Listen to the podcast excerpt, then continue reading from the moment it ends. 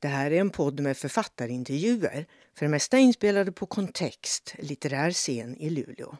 Kerstin Wixe håller i samtalen och ansvarar för podden.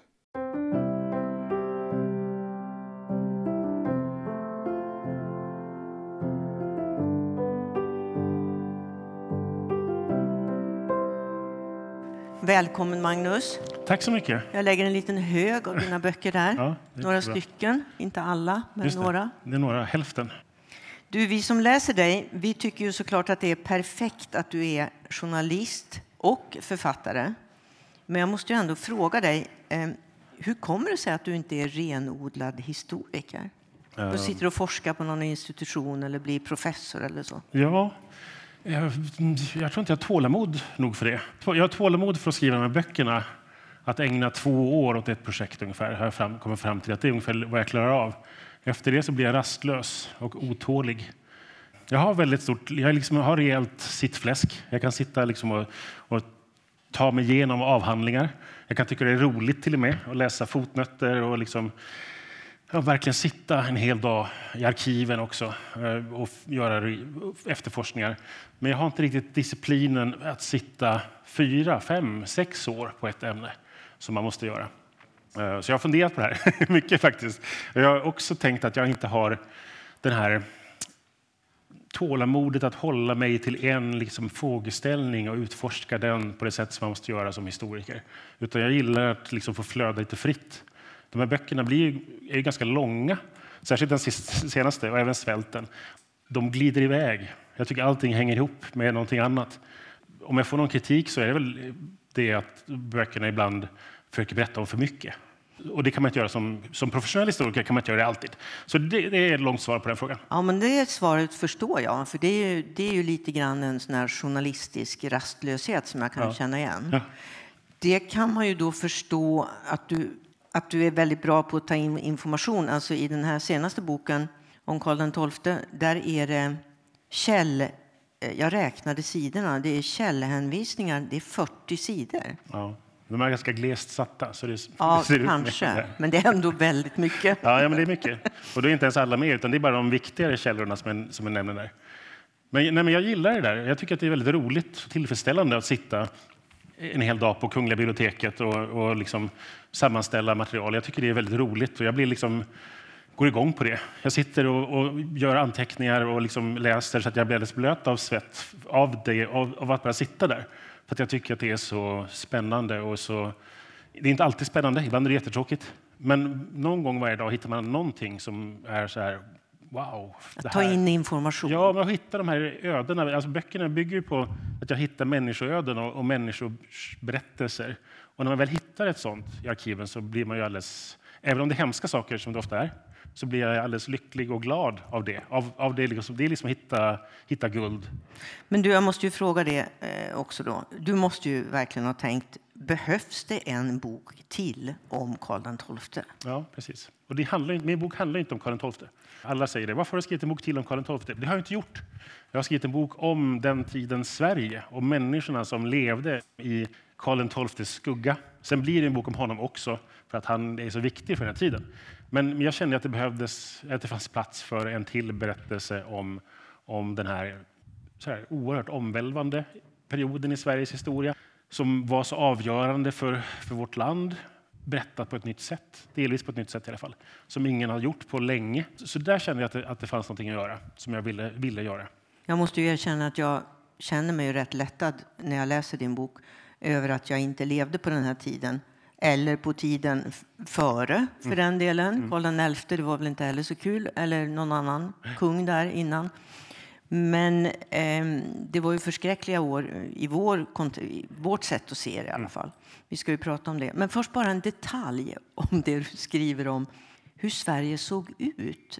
Vem fick måla sitt hus rött på den tiden? Och vad var det det var ju reglerat. Ja, precis. Att, att måla huset röda, som vi gjorde, sen gjorde på 1800-talet överallt, var minsta torp var rött. Det fick man inte göra. Det var, dels var den sortens rödfärg inte så vanlig. Den tillverkades av koppar från Falu gruva. Det fanns inte så mycket. Eh, men så det var strikt reglerat. Bara de allra högsta befälen fick måla sina hus rött. Var man ett underofficer så kunde man ha vissa detaljer på huset målade röda. En vanlig enkel soldat fick inte ha någonting utan de fick bara grå, grå timmer på sina väggar. Så det var, man såg bara på, på långt avstånd vilken position i samhällshierarkin den hade som bodde där. Och en vanlig borgare fick inte måla alls? De hade andra, liksom, i, i, Stockholm till exempel så skulle husen vara gula, sa man. För det tyckte Karl XI var en snygg färg. Så man kunde liksom bestämma sånt. Det är fördelen med att vara enväldig. Då kan man tycka så här, ja men gult, det är bra. Eh, då ska alltid vara gult. Du, enväldigt då, det var ju egentligen, alltså det var ju Karl XI som införde det. Mm. Så att det var ju rätt nytt kan vi säga i Sveriges historia. Men, men det var väl en lite så här trendig idé i Europa vid den här tiden. Det var liksom lite inne med envåldshärskare. Ja, det Varför det? Ja, men, eh, vi hade haft stora krig på 1500-talet, de här religionskrigen och 1600-talet också, 30-åriga kriget. Så man såg hotet av att konflikter skulle slita sönder de här nya nationerna som byggdes. Nationerna blev starkare och större och då såg man också risken för att interna stridigheter skulle bli för stora. Och då började idén uppstå att ja, men det är bättre att man ger all makt till en person som står över allting. Som inte behöver ta ställning till ena eller andra utan kan vara liksom helt fritt och, fri och rättvis. Den idén det kan ju låta konstigt nu, men, men det var liksom ett sätt att komma undan konflikter och stridigheter. En person som är så mäktig att han, då, för det är oftast var en han, inte behöver korrumperas, för han har ändå all makt. Han kan vara rättvis, han kan vara opartisk, han kan liksom lugna saker och ting. Men nu, var det inte väldigt naivt att tro att en sån person skulle vara god och rättvis och fin på alla sätt och vis? Jo, man kan ju tycka det. det, men det Thomas Hobbes, som är en engelsk eh, filosof som skrev boken Le Leviatan, han lanserade den här idén gjorde den väldigt populär. Det fanns andra också, men hans variant blev väldigt slagkraftig. Och han menade att människorna är så farlig och så hotfull mot varandra att de kommer att skada varandra om man inte har en stark kung som håller dem på plats. Sen, som, som, som du säger, det, det, det, problemet är ju att en sån härskare rätt börjar missbruka sin makt. Och det var ju också in, en trendtanke i den här tiden att det var rätt att göra uppror mot sådana. Locke, John Locke i England Eh, uttryckte det väldigt tydligt att folk har faktiskt rätt att göra uppror. De har rätt att bryta samhällskontraktet. Eh, och det var ju väldigt provocerande för envåldshärskare som i Frankrike eller för den delen i Sverige eh, John Lockes böcker fick inte se ut i Sverige medan Karl XII var kung. till exempel. Så, så det var liksom en väldigt levande diskussion kring detta. Och den är ju gammal, den går ju tillbaka till antiken. Aristoteles, nu blir det historieföreläsning. Aristoteles sa att en god envåldshärskare är det bästa. För en sån kan liksom ställa allting, göra allting precis rätt. Men problemet är att sådana inte finns. Eh, e-, eller finns de så är det bara en väldigt kort stund som de är goda. De kommer korrumperas av sin makt eller så kommer de garanterat lämna över sin makt till någon annan, för de tenderar ju att dö som människor gör. Och då kommer någon ny ta över och den personen kommer garanterat inte klara av att hantera sin makt så bra. Eh, så det är ett gammalt dilemma. Var det han som också sa det där med eh, att ett tyranni kan man aldrig genomföra utan folkets stöd? Det var faktiskt Hanna Arendt som sa det. Ja, det var Hanna Arendt som sa det. Helt annan person. Ja. Eh, som tyckte att, och Machiavelli sa det också, att ett säkert sätt, om man är en, en furste som vill ha total makt, då ska man vända sig till folket. För de är alltid rädda att bli förtryckta av adeln, eller stormännen. Så det finns en, liksom en klassisk triangel där mellan folkmassan och sen har vi kungen, eller fursten eller härskaren och sen har vi adelsmännen. Och de tre kan spela ut varandra mot varandra. Mm.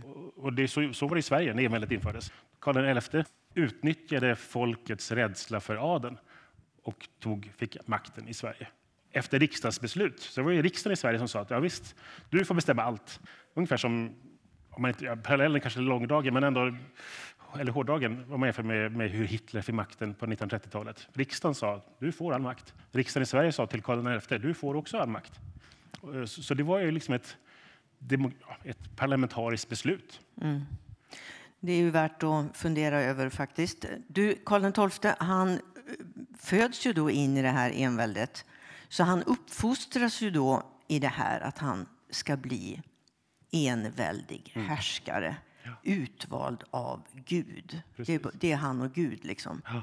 Det är ju inte så svårt att föreställa sig vilken odräglig tonårsslyngel som det blev av honom. Ja. Kan du beskriva hans beteende? Ja, men det finns ju många berättelser om, om det där. Just att han, han uppfostrades ju till att tro att han var vald av Gud och att ingen fick säga emot honom. Han ska ha påmint sina lärare, om de var stränga mot honom, att glöm inte att om några år så är jag en väldig kung. Så han fick ju bra betyg. Och han eh, red runt i Stockholm med sina vänner och, och betedde sig allmänt svinaktigt. Och ret, hånade så här, adelsmän, hans pappas gamla rådgivare genom att slå av dem hatten från huvudet bara för att han kunde. Och de kunde inte göra de kunde inte göra någonting åt det, för de, han var ju kungen eller på väg att bli kungen. Eh, så det är liksom i alla fall en, det är liksom den här elaka skildringen av honom. De som gillar Karl XII säger att det där är, förtal. Men jag har svårt att tro att det inte skulle stämma. Det känns som att det, det verkar rimligt. Sen slutade han nog vara så där han var inte på det sättet sen som vuxen. Det var nog en tonårsfas när han utnyttjade den här, när han inte kunde hantera liksom sin, sin status. Där. Sen blev han ju farlig på andra sätt, men inte på det här liksom vardagliga. Olyckligtvis kanske man kan säga så dör ju hans pappa då när han är 14 på väg mot 15 och då, då bestämmer sig rådet, eller vad vi nu ska kalla det, för att han ska få bli kung direkt. Varför eh, är det av samma skäl de fattar ett sånt lite konstigt beslut? Han är ju ändå tonåring. Är det för att de är rädda för att annars blir det en lucka och så kommer adeln tillbaka och börjar integrera och sådär? Precis. Och de som tjänade på enväldet, det fanns ju ett adelsmän som fick makt av detta och de fick fina positioner och de var liksom del av den här krets, kretsen kring Karl efter. De tänkte att de, de ville bevara sina positioner. Så de, ville att, de tänkte att Karl XII kan vi kontrollera ganska lätt. Han är bara 15 år som sagt. Så den killen kommer vi kunna styra. Eh, så det var därför de drev igenom enväldet, att det fick fortsätta, tror man. Eh, det är lite oklart hur, exakt hur drivande han själv var i det här. Eh, Men han var ju sagt bara 15 år, så det är svårt att tänka sig att han var jätteaktiv i den planeringen. Men han visade sig vara väldigt, väldigt sugen på att bestämma själv och vill inte lyssna på någon annan. Han gick ju omkring med en bok i bakfickan, skriver du. Ja. Berätta, han hade en idol. Ja, Alexander den store var hans stora idol. Han läste Alexander den stores biografi flera, många gånger och drömde om att vara, bli en sån Alexander. Krigarkonung. En krigarkonung som liksom besegrar hela världen. Sådär. Så, Alex, så, ja, det, det tror jag förklarar rätt mycket av hans senare liksom, världsbild. Varför Karl XII gjorde som han gjorde. Varför han trodde att han kunde tåga mot Ryssland när det sen, istället, och sen, som ledde till Poltava-förlusten. där. Han tänkte att han skulle kunna göra som Alexander gjorde en gång i tiden. När han tågade mot Persien som sin tids stormakt och liksom besegrade Persien och blev liksom världens härskare och en av världshistoriens största gestalter. Men det är lätt att tänka sig att Karl XII hade en liknande idé. Han såg framför sig att han skulle göra någonting som ingen annan har gjort före honom. I alla fall sedan Alexanders tid. Det där heter ju någonting. Vad heter det? Ja, Storhetsvansinne. Ja, men exakt. Ja. Men det är, jag tycker det är intressant det att så många av de här personerna i historien har haft sådana förebilder. Menar, Napoleon hade också Alexander som förebild. Julius Caesar hade också Alexander. Så Alexander den stora liksom går som ett spöke genom historien. Julius Caesar, när han var 33, den ålder då, då Alexander den store dog, så började Julius Caesar gråta, sägs det. För att han, så här, vid, nu- vid den här tiden har Alexander erövrat världen och vad är jag? Jag är ståthållare i Spanien, det är ju ingenting. Så där. Han var väldigt förtvivlad. Så det är liksom, de, de, de imiterar varandra, de här människorna. Jag tänker att det som gör det så intressant att läsa dina böcker det är ju det att du gör såna där långa, långa, långa, långa bågar, historiska tidssvep liksom. Ja. Från den tid du skriver om, men sen så hamnar du alltid i antiken på något jäkla vis i alla Ja. fall. Eh, och så kan man, och då, som läsare kan man då se, när du gör de där långa bågarna, så kan man på något sätt se hur, hur de här idéerna som en människa kan härbärgera återkommer och återkommer och återkommer och återkommer i olika tappningar. Liksom. Men de är rätt lik varandra. Ja, men exakt. Är det, är det det här som är en av drivkrafterna till att du vill skriva såna här böcker? Ja, kanske. Igen, jag, ja, jag vet, det det är så svårt att svara på. Jag vill skriva för att jag vill skriva, för att jag vill berätta. Men det är så här du tänker? Det är så jag tänker när jag skriver om, ja. Jag tänker att de här böckerna, de här tre böckerna då, Pestens år, svälten och tyrannens tid är alla uppbyggda på liknande sätt. Att de har en väldigt stark grundberättelse, en väldigt stark handling. Så det är en pest, pestutbrott som, som sker, människor dör, pesten tar slut. Svälten kommer och drar förbi. Det här långa kriget som jag berättade om i tyrannens tid inleds och tar slut. Och det är liksom en stark ram med en väldigt tydlig framåt driv, drivkraft i berättelsen. Och det gör att man utan svårigheter kan stanna till lite nu och då och göra en båge bak historien eller fram i historien eller fördjupa sig i ett ämne och sen går man tillbaka till liksom handlingen. Så jag jobbar medvetet så, att jag har liksom en grundläggande driv i berättelsen och sen kan man pausa det vid lagom vissa tillfällen och göra den här kroken, svängen. Du gör en annan sak också tycker jag och det är att eh, man börjar tänka på idag när man läser om Karl XII till exempel. Ja. Då är det ju väldigt lätt att börja tänka på hans efterföljare, eller vad jag ska säga, envåldshärskare i vår tid. Jag ja. menar, de, de är ju många. Hitler, Stalin, Gaddafi, ja. Korea, Syrien, Lukasjenko och så vidare. Mm. Och det är ju väldigt likt. Då ser man plötsligt, herregud, det där är ju en sån figur, det där är ju en sån figur. Jag gissar att att du vill att vi ska se tyranniet i vår egen tid till exempel? Ja, det vill jag. Det vill, det vill jag förstås. Men det är inte poängen för mig ändå. Så det, är, det är liksom en, det är en bieffekt, en följd av, av berättelsen. Det är berättelsen i sig som jag är intresserad av, eller kanske snarare människoödena. Sen det allt det andra kommer med liksom på köpet. Så det är väl flera spår samtidigt. Jag brukar sitta, när jag har gjort den här researchen som är då väldigt, väldigt omfattande, så sitter jag där och sliter mitt hår över hur jag ska få ihop de här olika skikten. Dels det konkreta handlingsskiktet som berättelsen utspelar sig i och dels de här krokarna, det tidlösa och det tidsbundna. Eh, allt det där vill man ju få med. Så jag vill ha både och. Jag vill ha människoödena och så vill jag ha den idéhistoriska bakgrunden och så vill jag ha parallellerna till nutid. Och så vill jag ha jämförelserna över tid och så vill jag ha fördjupningen i dåtidens kultur. Så det är många, många skikt samtidigt. Du vill mycket. Ja, jag vill mycket med dem. Ja, men jag tycker du lyckas. Ja, det är bra. Många gånger i alla fall. Ja. Du, att man byggde då en, också en eh, medveten hjältekult kring Karl XII. Det var sånger och det var dikter och det är väl inte så konstigt, det gör man ju än idag. Ja. Eh, exakt samma sak. Men mer förvånande är det kanske att det fortsatte så länge efter hans död. tänker jag. Ju, ni känner ju säkert igen den här kung Karl den unga hjälte. Han stod i rök och damm. Det är Esaias Tegnér, en hyllningsdikt över Karl XII. Men den är ju då skriven hundra år efter kungens död. Ja. Då var det också lite behändigt, för då hade man glömt bort hur eländigt det var. Ja, var det så det var? Ja, alltså, precis när Karl XII dog och när kriget tog slut och stormakten föll, då var inte han särskilt populär. Då, då ville ingen tala väl om Karl XII. Det finns en berättelse om en dansk resenär i Stockholm 1720 eller 1721 som sa att ingen i det här landet vill tala väl om den döde kungen. Säger man någonting positivt om honom så blir man tillsagd att sätta sig ner, annars får man en smäll på käften.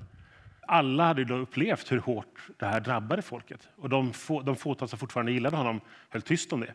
Men sen ganska snart så började det komma försök att ursäkta hans syster blev drottning. Och hon började efter ett tag säga när man skulle ge ut nya historieverk så ville hon censurera dem. Man fick inte tala om kritiken. Och sen kom också Voltaires berömda biografi av Karl XII redan 13-14 år efter kungens död. Och där var Voltaire ganska kritisk. Och då blev svenskarna sura. Så här, det är ändå det är ändå, det är ändå våran kung. Sådär. Ska komma en fransman och tala illa om honom. Sådär. Han är en skitstövel, men han är våran skitstövel. på något sätt. Så då, ganska snart så började man bygga upp den här kulten. Men den var, han var, det var, den var problematisk hela 1700-talet. Gustav III skrev till exempel en uppsats om att, eh, eller en text om att Karl XII nog var galen när han var i Bender till exempel. Och han var inte särskilt imponerad av honom. Men sen på 1800-talet när, Sverige, när man ville bygga en ny självbild så började man lyfta fram det här ändå. Att det fanns något storslaget i, i det här projektet. Visserligen förlorade Karl XII, men han kämpade mot hela världen och lyckades nästan. Nästan. nästan. Ja, sådär. Det var väl... Till ett enormt lidande ja. var det. Folket fick, fick, fick, det priset fick folket betala. Så, så det där är ju, men det, det, den striden om hur man ska se på honom har pågått ända sedan dess. Det är lite som Stalin nu. Ja, Han börjar bli poppis igen. Ja, men exakt. Man kan lyfta fram det och säga ja, med i Stalins fall att ja, men visst, han var lite hård, men han, han vann ändå andra världskriget. Så Alltså man kan liksom eh, använda det i sin, sin bild, den, vill, den man vill föra fram.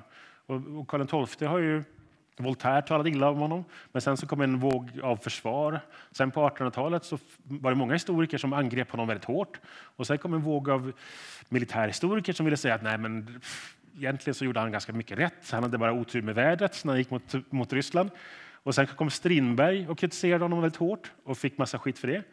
Och sen så kommer jag då och talar illa om honom. Eller inte, det är ju Ernst Brunner för 15 år sedan, 20 år sedan skrev en roman om Karl XII som var ganska vild, sådär, men han var väldigt hård mot honom och fick, fick uh, mothugg för det. Sådär. Så den bild, kampen om hur man ska se på den här kungagubben har pågått länge. Och du sa till mig före samtalet här att det finns en väldigt omfattande Karl XII-forskning i Sverige idag. Det kände inte jag till, att, att den är så stor. Ja, nej, men det är liksom en egen uh, sektor inom historieforskningen där man fortfarande skriver om tidiga 1700-talet och vrider och vänder på alla möjliga aspekter av det. Och en del av dem är ganska positiva till Karl XII fortfarande. Okej. Okay. Uh, det kommer inte vi att bli här nu när samtalet uh, fortskrider. Så kommer vi berätta nej, historier. Nej, men, det, nej, men precis. Men, och de, de flesta där är ju ändå vettiga. Men det finns en, liksom, en levande krets av människor. Det vet ni ju alla förstås, alla de som marscherar till Karl XII. Men de är inte det är inte samma genre. Det är inte samma, men de tangerar varandra i viss mån. Jag brukar säga att man måste inte vara nazist för att älska Karl XII, men underlättar. Okej. Okay.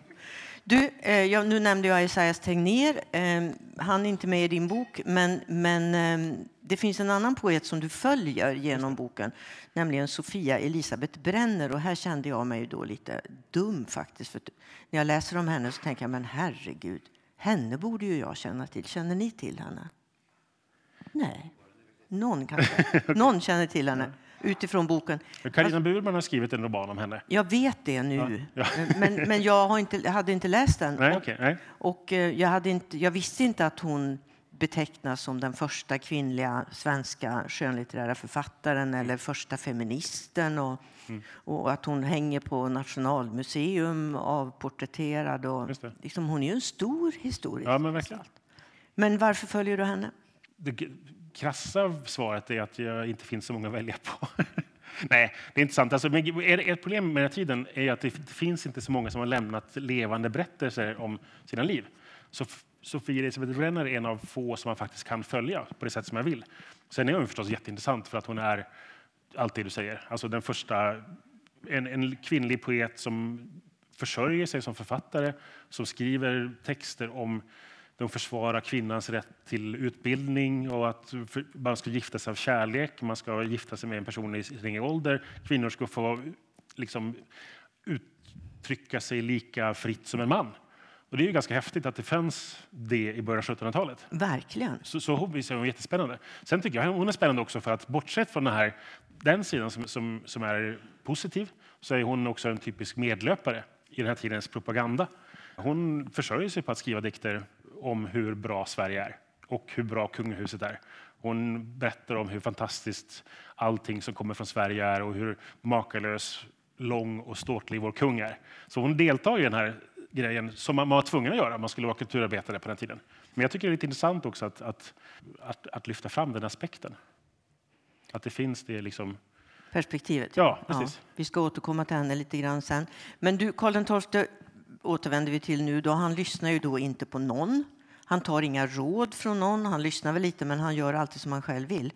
Han har ju nu då en stormakt att försvara. Är det den vi sjunger om i vår nationalsång ja, fortfarande? De här fornstora dagarna. Mm. Fornstora dagar då ärat vårt namn flög över jorden. jorden. Det är det som, som alltid, det är därför det är så spännande att skriva om den här tiden. Undersöka vad var det här egentligen? Och vilket pris fick folk betala för detta. För att nu har vi alltså, ett, eh, bara för det historiska läget, vi har ett, Sverige har ju då ett jätteterritorium som ju han då måste försvara. Alltså vi äger, eller äger, men Danmark, Polen och Ryssland går ju då till gemensam attack för de vill ha tillbaka sina landområden. Precis. Det är det som inleder det som brukar kallas för de stora nordiska krigen. Precis. Som ju kommer pågå då i närmare 22 år. Ja. Och så starten var 1700. Och då kan man ju säga så här, först gick det väldigt bra för Karl XII. Slaget vid Narva, ni vet, alltihopa det där gick jättebra. Och sen kan man ju då sammanfattningsvis säga att det gick väldigt, väldigt dåligt. Ja, han fick ju storhetsvansinne där.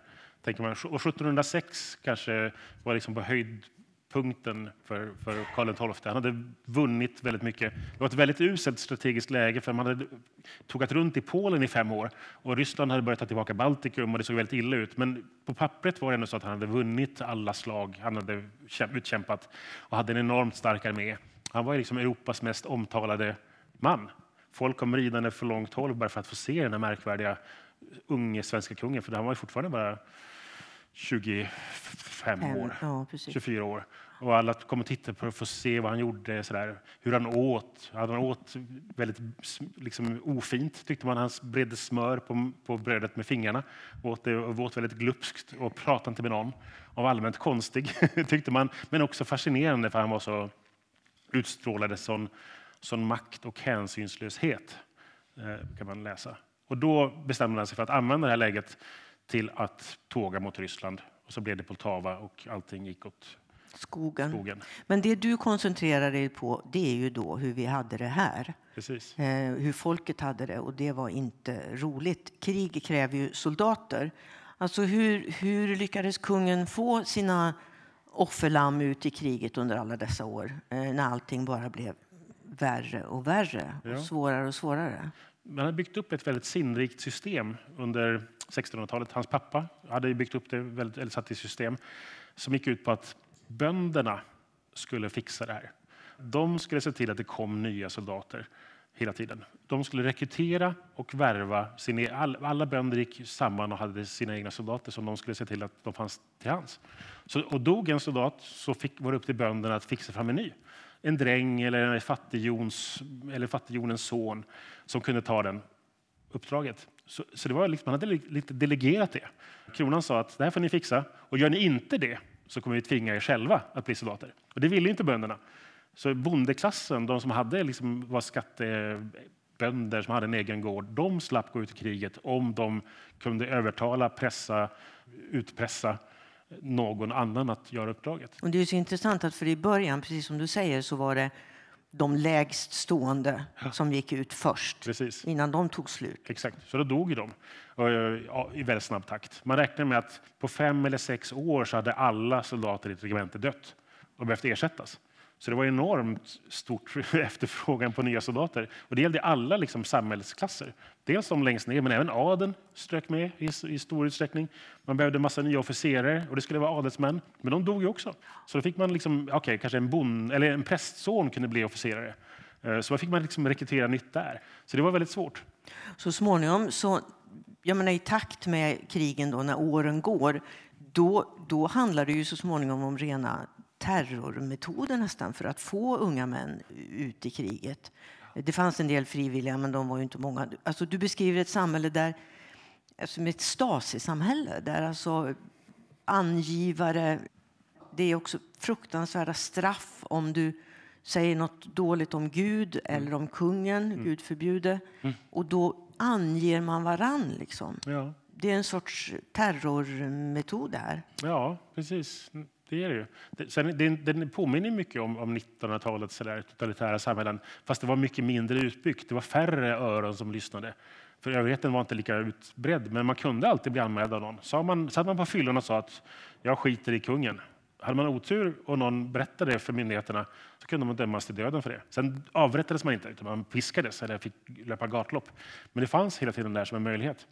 Dödshotet, ja. Precis. Och, och, det, och det, en sak som jag tyckte var häft, eller intressant var ju att just det här apparaten var väldigt stark och effektiv. Men folk, och folk var inte frivilliga som sagt. Utan de, många tog till desperata medel för att slippa bli soldater. Att de högg av sig fingrar och tår, försökte skada sig själv medvetet. Vissa till och med tog livet av sig för att slippa bli soldater. För att de, inte, de inser att det här är ändå en dödsdom och de står inte ut med tanken på att börja bli det. Så de dränker sig eller skjuter ihjäl sig eller liksom hänger sig. Så, och det finns redan från början. Eh, och det tycker jag är intressant, för när man pratar om den här tiden så är det lätt att man hamnar i den här idén om att jo, men karolinska armén var liksom älskad och alla var stolta över det här och man slogs frivilligt för Gud och fosterland. Vissa var ju frivilliga, men det var väldigt, väldigt många som inte var det. En annan desperat metod det var ju att flytta hit Just det. till Norrland. till Norrland precis. Så Om man var riktigt desperat skulle man göra det. Ja, precis. Nej, men, För då eh, slapp man. Varför slapp man det? Alltså inte, inte längs kusterna, där var det, det var in, ingick i det vanliga indelningssystemet. Men inlandet så kunde man, om man, om man var en eh, officiellt godkänd nybyggare eh, i inlandet, så var man befriad från militärtjänst. Det var för att ingen, ingen vettig människa ville flytta dit och bli bonde. Så då erbjöd man det som en, liksom en, ett lockmedel. Men det, det förde med sig då att vissa som inte ville bli soldater stack dit trots att de inte hade tillstånd. Så det finns berättelser i flera i källor om hur bönder till exempel från Umeå stack in i inlandet för att liksom, ja, tillfångata drängar som hade stuckit dit för att de inte ville bli soldater och föra dem till kusten och sa det här, han är minsann, ska minsann göra krigstjänst. För annars kunde de själva vilja bli soldater och det ville de inte. Så det var, ju en, man, det var, det var jävligt hårt liv. Väldigt fiffigt system. Det är ett väldigt fiffigt system. Och det var, men bönderna protesterade också. De ville inte alltid göra det här, för de fick också betala för väldigt mycket. Så även om de var delaktiga i systemet så fick de också bromsa. Det var, väldigt, det var en, en, en, en smart lösning, men den var också ganska komplicerad. För man fick egentligen inte tvinga dem. Det skulle vara frivilligt. Ja, det var en idé också. Idén var att man-. Kungen ville inte ha sådär, slavar, men man skulle godvilligt och utan trug eh, vara villig att offra sitt liv. Men ville man inte det så skulle man uppmuntras till att vilja det. Och ville man ändå inte så till sist så blev man tvingad. Så det var liksom en väldigt flytande skala. Så. Du, Karl XII, han lyssnar ju då inte på någon. Alltså, nu, nu har det ju börjat gå dåligt. Han förlorar hela sin armé i Poltava. Det är 50 000 man. Jag trodde länge att alla dog där, men, men nu läser jag i din bok att 20 000 blev krigsfångar och det är en historia i sig. Ja. Men 30 000 döda, det är rätt mycket folk. Det är ganska många. Och alla håller ju på och tjatar på honom då så småningom att han ska sluta fred med Polen och med Danmark och inte minst med tsaren, Peter den store. Men han lyssnar inte på något, han bara vägrar. Och ingen kan göra något vad det verkar. Men man försöker ju lite grann. Försöker man tillräckligt? Nej, men det, det, min bok börjar 1714, sen hoppar den tillbaka i tiden. Den börjar med när riksdagen samlas i Stockholm, när kungen är i Bender, som ni alla väl känner till att han var ett tag, och har varit där i flera år. Och man tänker att det blir aldrig fred, nu måste vi göra något åt detta. Och då är det nära att det blir en statskupp. Att man är nära att åtminstone tillfälligt ta ifrån Karl XII makten. Och det är någon sån sak som jag inte riktigt hade koll på innan jag började började med det här, hur faktiskt nära det var att riksdagen liksom gjorde detta. Det är liksom sådär, nära att folket, folkets representanter i någon mening sa att det här får vara, nu får det vara nog. Men sen så i slut, sista stund så backade de och sa att Nej, men okej, vi, vi kan inte göra det här, vi vågar inte, vi vill inte, vi vet inte vad vi ska göra istället. Så där var ju liksom en, hade man gjort, gjort det då så hade vi kanske kunnat få fred 1714 och sluppit 6-7 år av krig. Hade sluppit rysshärjningarna, som, som plundringarna i, längs Norrlandskusten. Ja, kanske. Kanske. Ja, annars hade Eh, vi kanske kunnat få ett inbördeskrig då. För det, det var ju det som var, vem skulle ta makten istället? Det var, ett, det var Ja. en svår situation. Men de här riksdagsmännen, för att man kallade ju då in riksdagen för första gången på väldigt länge. Ja. För att det, det, han gillade ju inte det heller. Att Det var man, förbjudet. Det var förbjudet faktiskt. Och ändå kallade man in riksdagen. Och då var det ju en del riksdagsmän, berättar du ju, som åker ner till Stockholm med order hemifrån, så att säga. Kommer du inte tillbaka med fred, då slår vi ihjäl dig ungefär. Precis. Och en riksdagsman berättas det att han var tvungen att lämna riksdagsmötet för att åka hem och fixa några saker. Och när hans grannar fick veta att han inte kunde lova någon fred, då misshandlade de honom och skickade tillbaka honom till Stockholm. Så liksom var läget då. För då hade man också haft, då hade kriget pågått i 14 år, det hade varit flera år av hungersnöd och dessutom pestutbrott då, som hade pågått i tre år. Så det var ju allt elände samtidigt. Och då var ju, sa ju folk att Nej, vi kan ju inte fortsätta med det här. Vi kan ju inte fortsätta kriga nu. Det måste ni förstå. Men, men Karl XII då lyssnade ju inte på någon. Nej. Men du, nu, nu nämnde du ju Bender. Och kalabaliken i Bender, det säger vi ju fortfarande. Och nu måste du berätta, vad hände där egentligen? För det var ju 1713. Ja. Då, då blev han faktiskt fånge i Bender, för han var ju där innan. Och då, men då var han ju mer kompis med sultanen och så. Han var liksom, efter förlusten på Tava så flydde Karl XII och 2000 man till, till eh, det Osmanska riket. Och de fick bo i Bender. Till att börja med som ärade gäster. Eh, Men den här, de var inte, efter några år så var de inte så ärade längre. För då hade de varit kvar där för länge.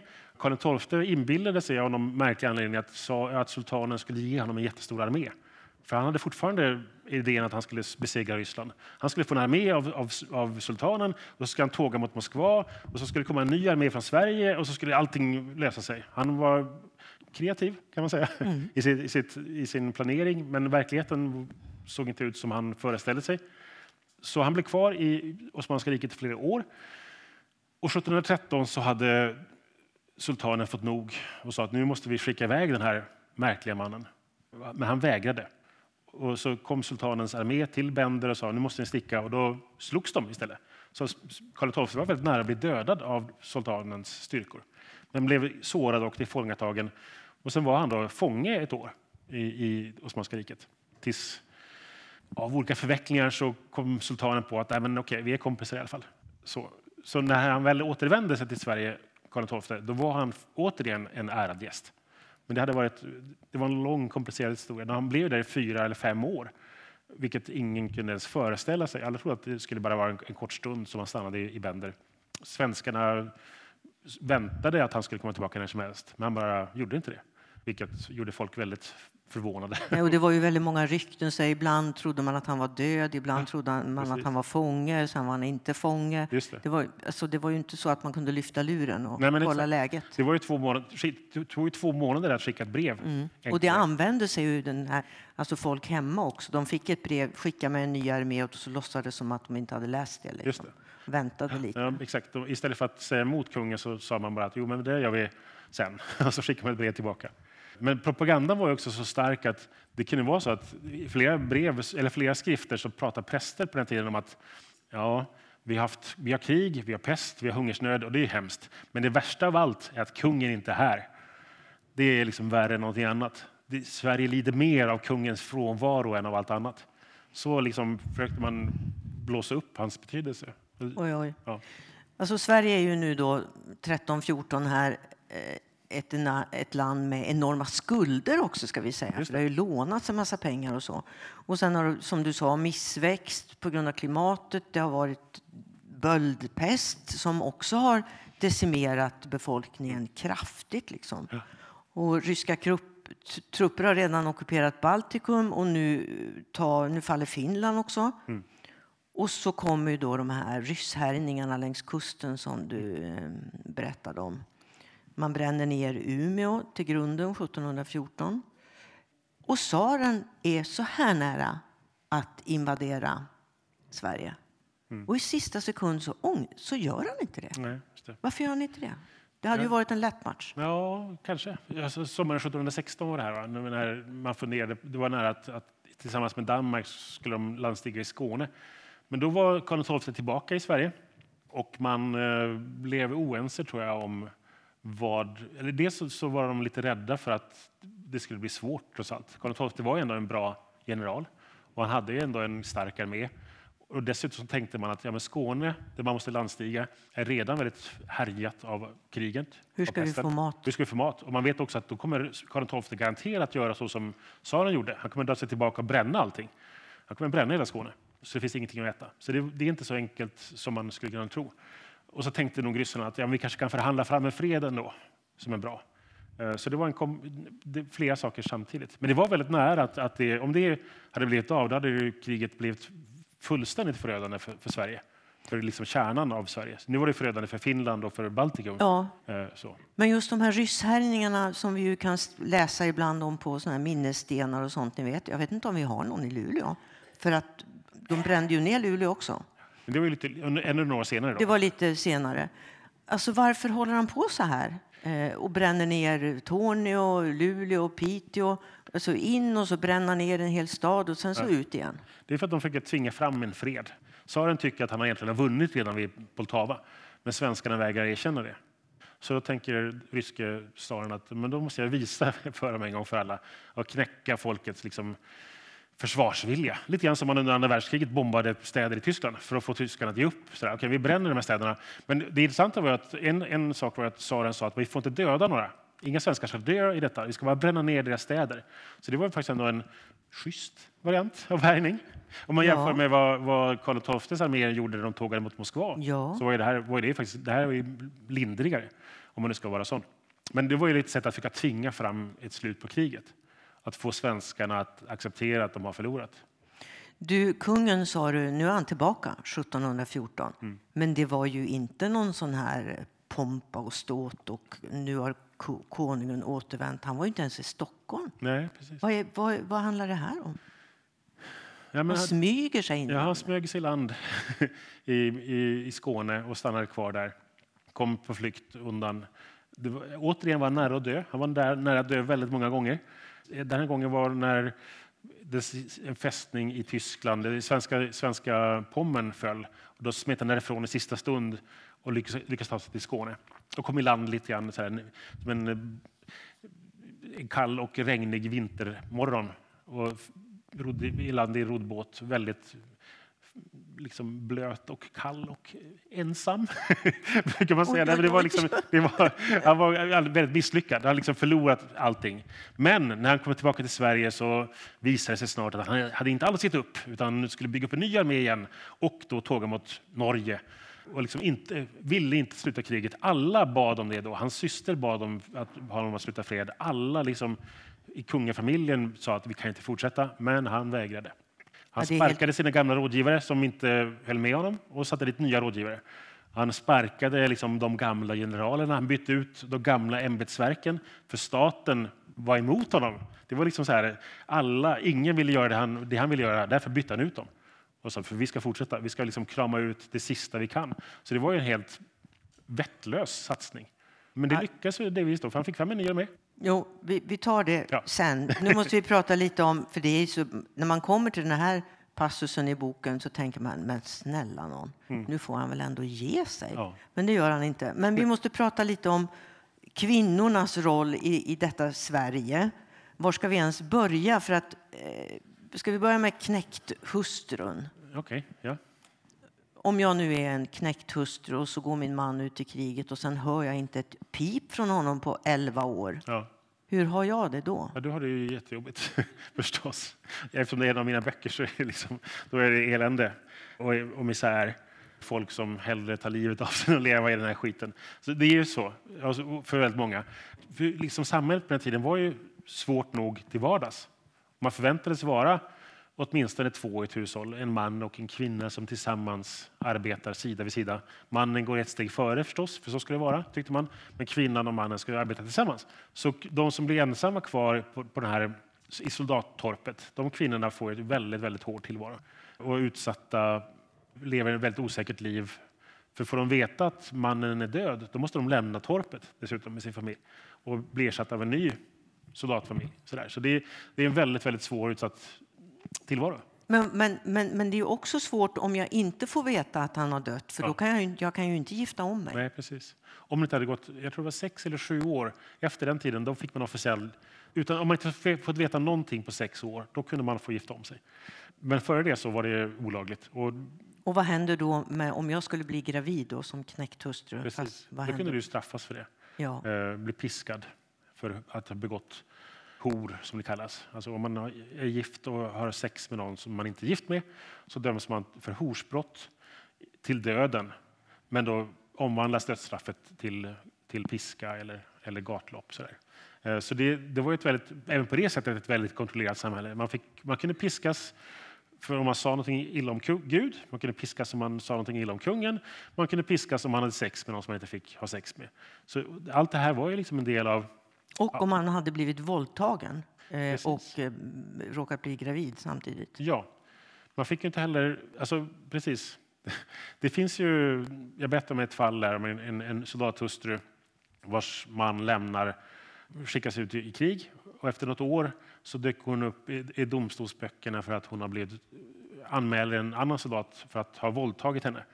Och det är ett allvarligt brott på den tiden. Att en, en man som våldtar en kvinna avrättas automatiskt. Det finns ingen utan att benådas om man blir dömd för det. Men det måste finnas vittnen? Exakt, det måste finnas väldigt bra bevis.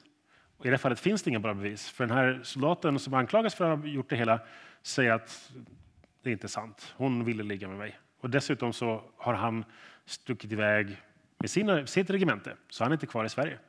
Och när saken prövas så står ord mot ord. Och det enda, och sen kommer dessutom besked om att den här soldaten har dött i krig. Så hon kan inte bevisa att hon har rätt. Alltså det enda domstolen vet är att hon har erkänt att hon har haft sex med en annan man. Alltså döms hon för horsbrott till döden för att hon blivit våldtagen.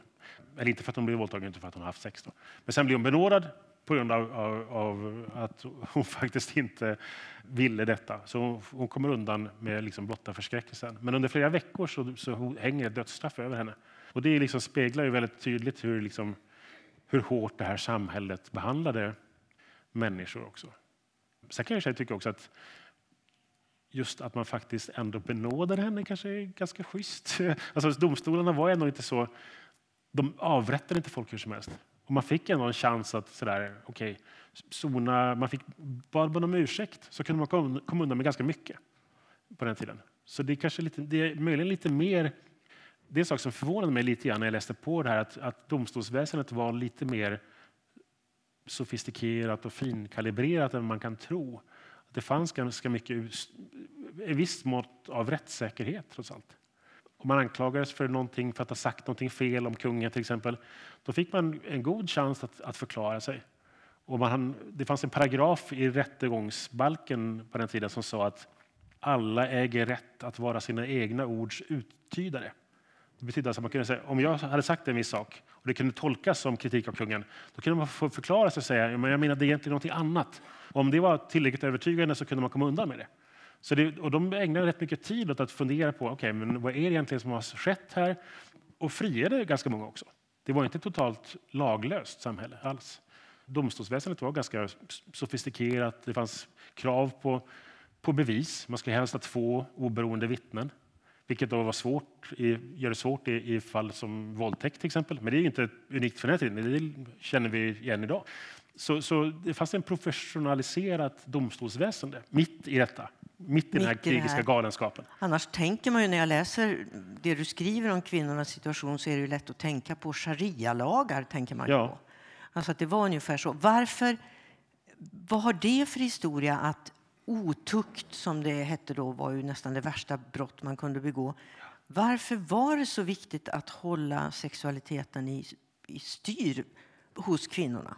Ja, men det, det går ju tillbaka till de, här, till de bibliska lagarna. Det finns i många jordbrukssamhällen det här behovet, eller upplevda behovet av att kontrollera sexualiteten för att liksom, kanske ytterst, om man ska vara krass, att det handlar om att bevaka arvsrätt.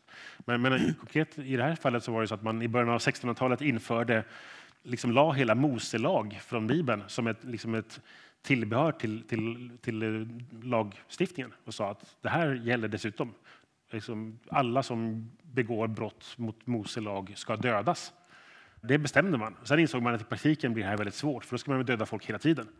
Sådär. Om man har stulit något så ska man dö. Det, går liksom, det, det funkar inte. Det var därför man hade så många sådana här det dödsstraff på det brottet och på det brottet. Exakt. Men sen benådade man Exakt. folk på löpande band. Man kan läsa, om man läser om 1600-talets Sverige så kan man tro att folk dödades oavbrutet för ett brott. Men så var det inte. Det var ganska få som faktiskt avrättades. Man måste ha gjort ett ganska rejält påtagligt fysiskt våldsdåd för att avrättas. Eller så måste man vara liksom allmänt alkoholiserad, uppkäftig som aldrig bad man om ursäkt. Var man anständig människa, i grunden hyfsat vettig, som bad om ursäkt, då slapp man dödas.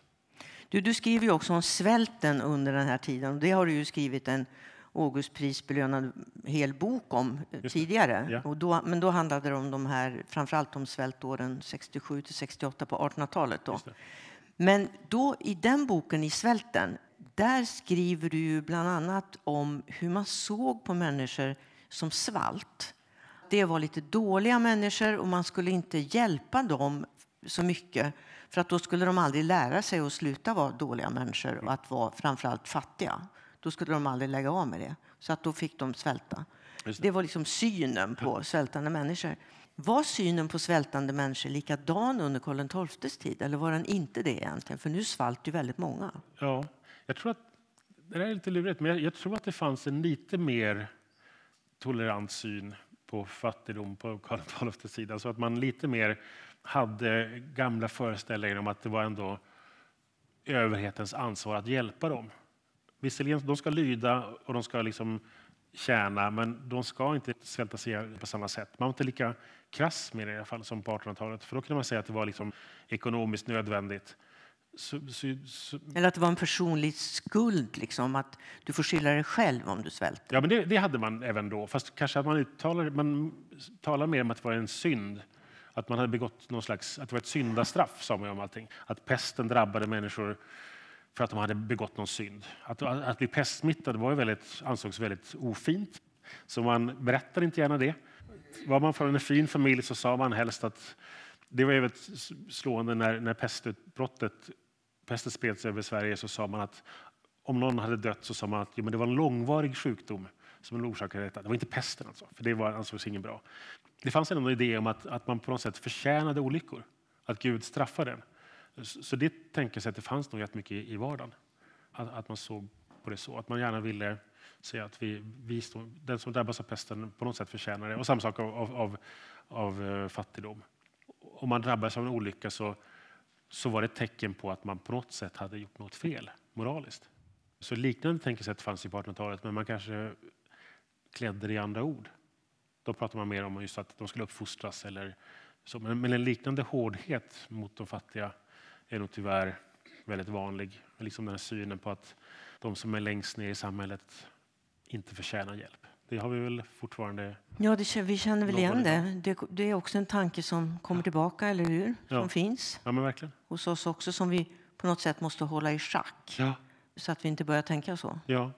Alltså vi börjar tro att, att människor är för lata eller att de missbrukar systemen. Och så där. Det är väldigt lätt att glida in i det tänkesättet, uppenbarligen. Du skriver ju, nu pratar vi om kvinnorna, du skriver ju också om barnen i den här Mm. boken.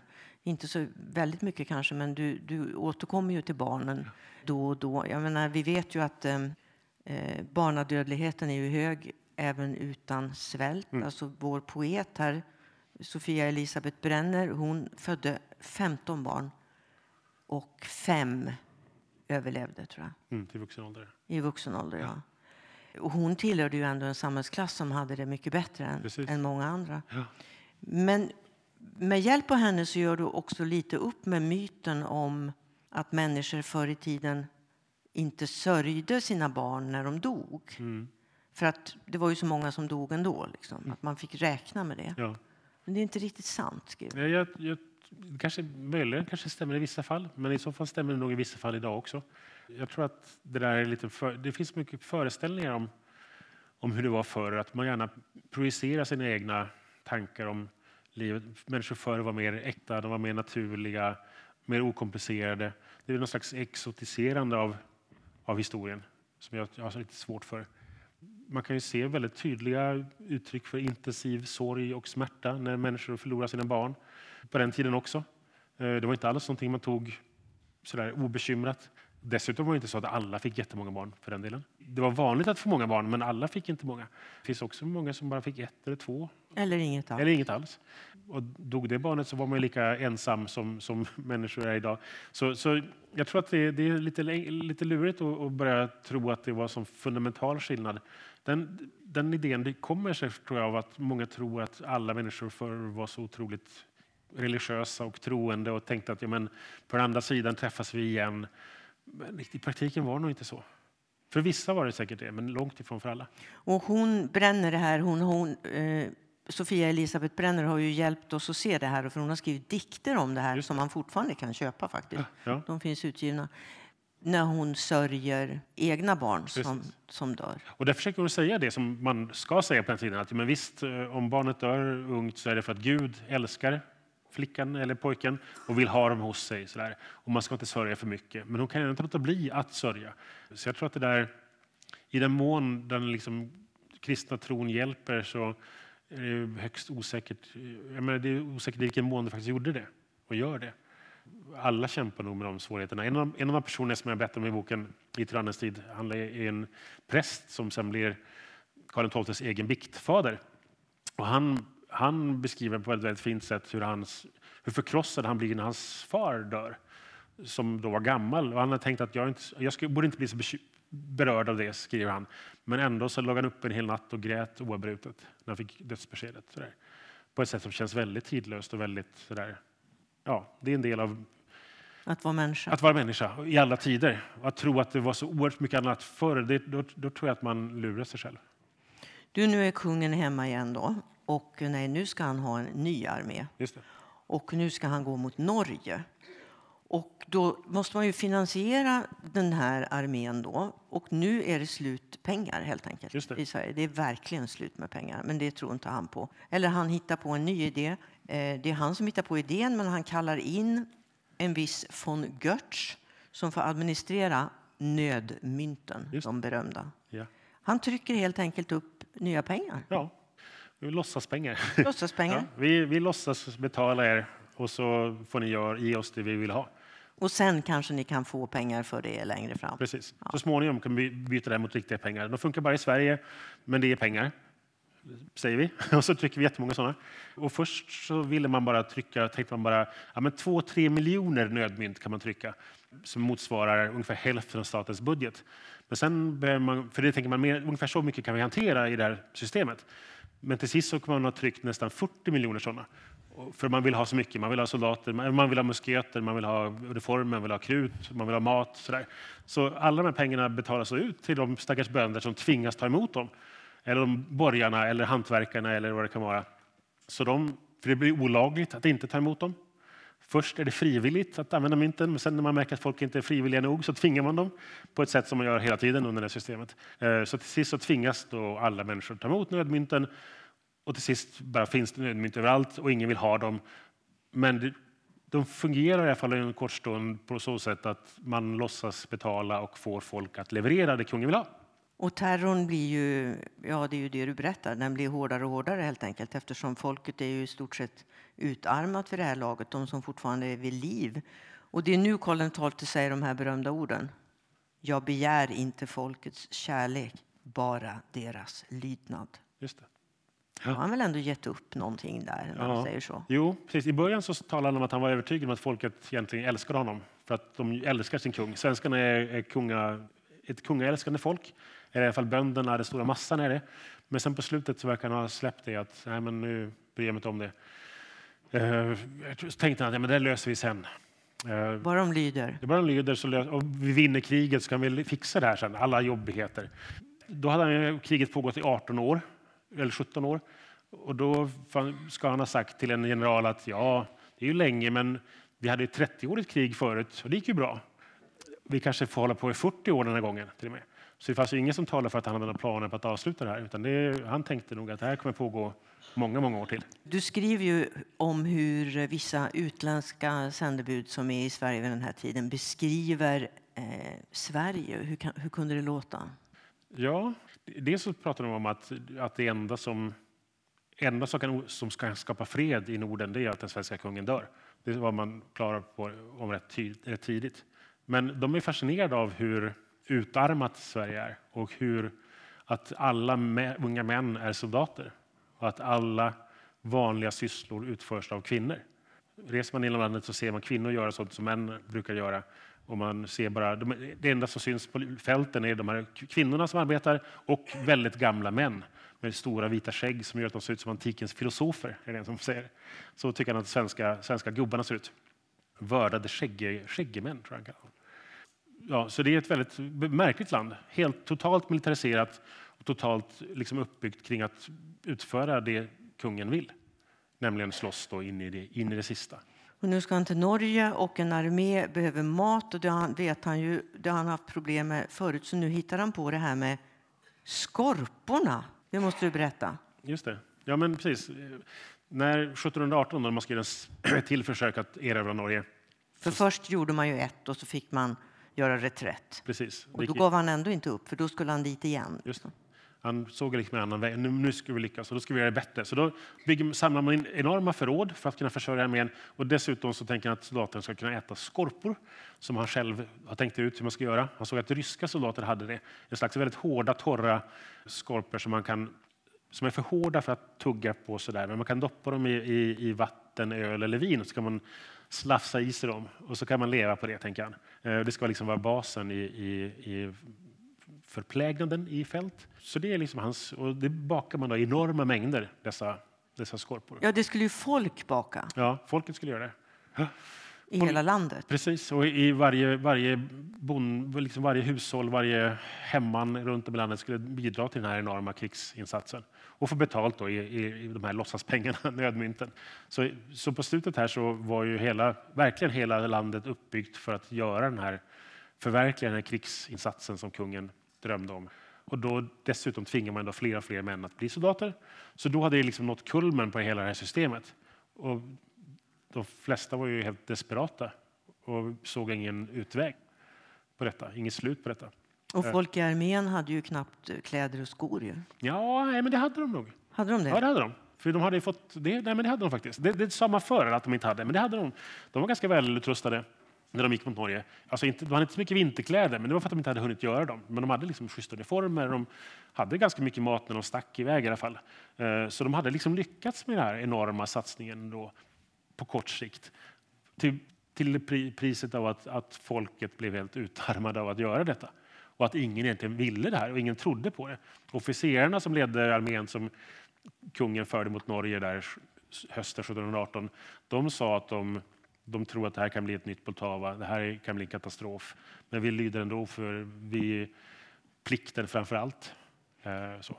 Och så belägrar de då Fredrikstens fästning eh, och äntligen, eh, vill jag ju kanske säga, ja. dör kungen då, 30 november 1718. Precis. För nu är det väl det är väl rätt många som känner så, ja. äntligen. Ja, äntligen, precis. Nej, men visst, det var, det, det var ju en enorm befrielse för många. Sen inte för alla, men, men för väldigt många. Det, det, finns berättelser om hur människor i Stockholm jublar när beskedet kommer. Och då försöker man säga att ja, men det berodde på att de jublar över att de blir så glada över att drott, Ulrika Eleonora blir drottning. Inte för att Karl XII är död. Hans syster. Hans syster alltså. Mm. Eh, men i själva verket så är det så att också ett sändebud talar om hur man aldrig har sett ett folk bli så glada över att deras första är död. Eh, för att det här kriget äntligen kan, kan börja ta slut. Och att man kan göra slut på enväldet framför allt. Kriget segade på något år till innan det verkligen var slut. Men, men det liksom skedde ju en statskupp kan man säga. Vet man nu säkert att han inte blev skjuten av sina egna? Nej, det, säkert är det inte. Men det är väldigt troligt att han blev skjuten av en norsk-dansk kula. Jag har inte sett något övertygande bevis för motsatsen. Men det gick ju rykten om att han blev mördad nästan direkt. Och det fanns ju många som hade intresse av att mörda honom, så man kan förstå det. Men det var väldigt intensiv beskjutning från Fredriksten den kvällen. Man varnade Karl XII för att sticka upp huvudet ovanför skyttegraven. Vilket han brukade göra. Och så gjorde, lyssnade förstås inte, så han stack upp huvudet och blev skjuten. Så ja, det behövs ingen mord för att förklara detta. Och det var ett mirakel att han hade klarat sig så länge som han hade. Han skulle kunna dött ett halvdussin gånger innan detta. Så, så egentligen så, det vore ju liksom dramaturgiskt lämpligt om de mördade honom kan man tycka, för att någon ville få slut på det här, göra ett tyrannmord som, som har skett förr i historien, sådär, som när man mördade Julius Caesar. Men, men, eh, man så... behövde kanske inte. Det verkar ju, han fanns ju i alla fall i en farlig miljö. Ja, precis. Men du, eh, det är lite roligt det här. Um, när han då begravs så binder man ihop hans fötter. Just det. Och det, det, blir ju lite som en blinkning åt, åt den här boken som du har skrivit, Vålnadernas historia. Just det. För där eh, gör de också det, om man får förklaringen till Det är liksom en blinkning till gammal folktro, eller hur? Just det. Vad, man, vad handlar det där om? Ja, men det handlar om att man tänkte sig att om en person som dör, man binder upp fötterna så kan de inte komma upp ur graven som, som spöken, som gengångare och hemsöka de levande. Så det var liksom någonting man gjorde om någon hade dött en våldsam död, helt enkelt. Man skulle kunna se det som också som att de ville hindra just Karl XII för att komma upp ur graven för att hemsöka sitt folk. En eh, gång till. Ja. ja. en gång till, precis.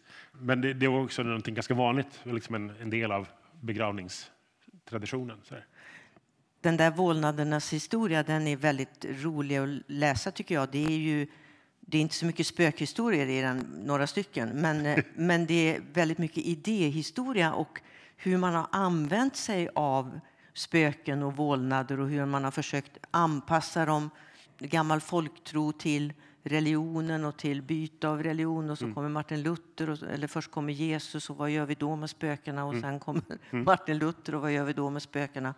Eh, då fick de flytta till Rom, skriver du lite skämtsamt om. ja, För att katolikerna hade kvar mer av det där. Ja, De trodde på spöken, eller passade in i deras ja. teologi. Men just den där anpassningen till att de har ju faktiskt överlevt genom historien. Och nu har vi dem i populärkulturen Ja, överallt.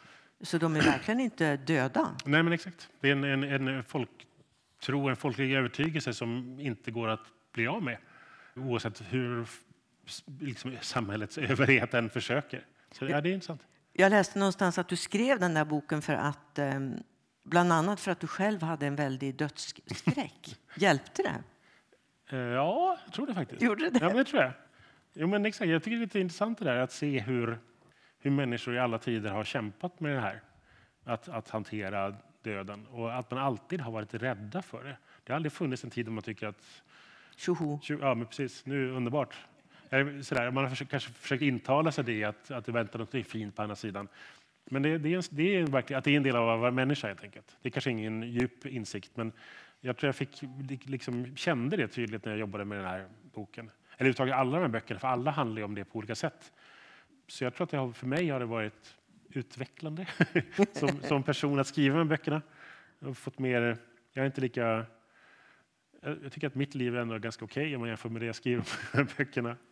Sådär. Hör du, det tycker vi nog alla. Blir det fred nu då? Vi måste ju avsluta Karl XII-historien här. Ja. Nu är kungen död och begraven. Det bli- Det blir lite trassel med tronföljden där, såklart. Så kommer det ju en kar och tar över.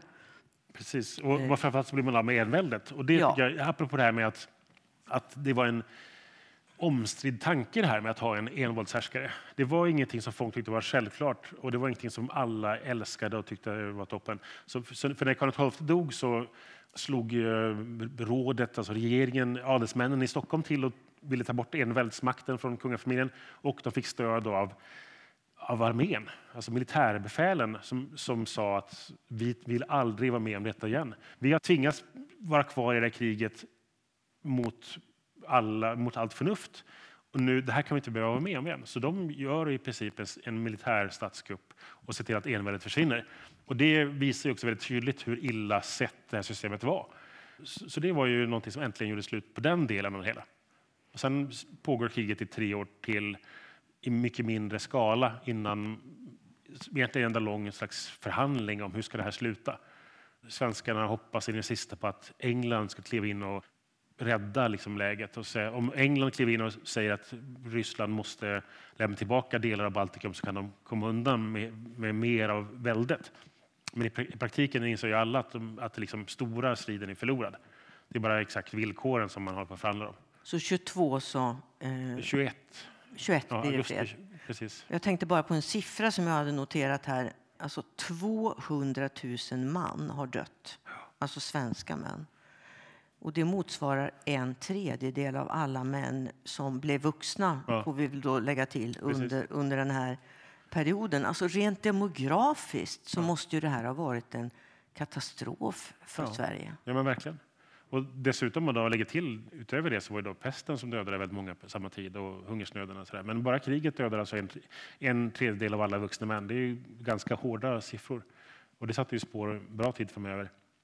Sen finns, kan man ju konstatera att som, det finns en historiker som lite lakoniskt sa att det gamla jordbrukssamhället hade en fenomenal förmåga till återhämtning.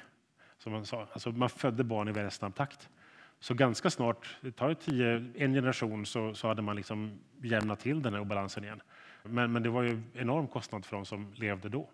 Och för liksom Sverige som jag menar, ekonomiskt och, och allt sådant. Du, man hade ju önskat då att med ett lyckligt slut på den här historien att vi för evigt skulle vara vaccinerade mot den här idén om en stark ledare. Ja. Men det vet vi ju att vi inte är. Nej. Inte vi i Sverige och inte folk i världen heller. Nej, men precis. Varför är den så envis? Ja. Jag tror det finns något lockande i det där. Just att när det är, en split, det är splittring och oro och man tycker att alla bara käbblar och bråkar. Om någon kliver fram och säger nu ska vi göra så här. Så, så följer man. Jag tror att vi har någon slags, det är den här flockinstinkten som finns hos människor. Som, är väldigt, som finns där hela tiden. Det, det är min enda, liksom, Förklaring? ja, att det är någonting sånt. Så det, Men vi borde ju ha förstått. Ja, man kan ju tycka det. Men problemet är ja, man glömmer det ganska fort. Så var det, när Karl XII dog och enväldet avskaffades så var ju folk väldigt ense om att sånt här vill vi inte ha igen. Man skrev till och med in det i liksom dåtidens grundlag att det är olagligt att försöka införa oinskränkt kungamakt igen. Det får ingen göra. Det fick alla svära ned på. Alla som blev ämbetsmän i staten fick svära ned på att aldrig arbeta för detta. Men sen så gick det 50 år och riksdagen som hade makten under frihetstiden, som vi kallar det, skötte sig inte så jättebra alltid. De missbrukade sin makt, de stred mot varandra. Och den, sen kunde Gustav III komma och säga att titta vad de bråkar. Är det inte bra om vi har för en stark kung igen? Och så blev han i praktiken enväldig, även fast han inte använde det ordet, för det var fortfarande tabubelagt. Han sa att han är den främste medborgaren i ett fritt folk. Men det betyder samma sak. Då. Man, man kallar det något annat, men man har en, en stark ledare igen. Så det tog inte så länge när vi fick ett nytt envälde i Sverige. Är det därför det är så viktigt att vi lite grann i alla fall kan vår historia, kan läsa historien? Ja, det är väl bra. Är inte det? Det är väl bra, men ja. jag menar, för att minnet är kort ja, om man precis. säger så. Ja. Väldigt kort. Du kommer ju att skriva fler böcker såklart. Ja. Vad är det för ämne som du eh, tänker eller redan har gett dig på nu? Ja, jag ska faktiskt ge ut en bok redan i höst. Oj! Men det är lite någonting an, helt annat. Jag vet en slags avkoppling från det här. De här stora researchprojekten. För det är som jag sa, det är enormt researcharbete bakom de här böckerna.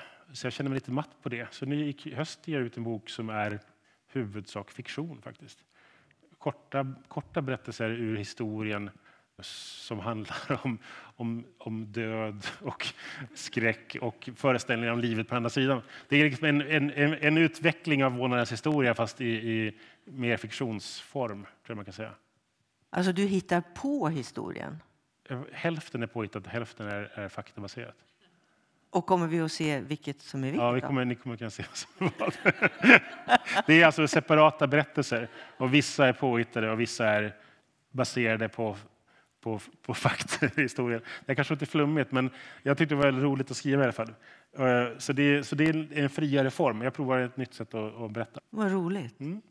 Då får vi läsa den. Vi läsa den. Det finns en hel del att läsa under tiden, ni som inte har läst allt av Magnus Westerbro. Tack Magnus för att du kom hit. Ja, men tack, jätteroligt att vara Tack.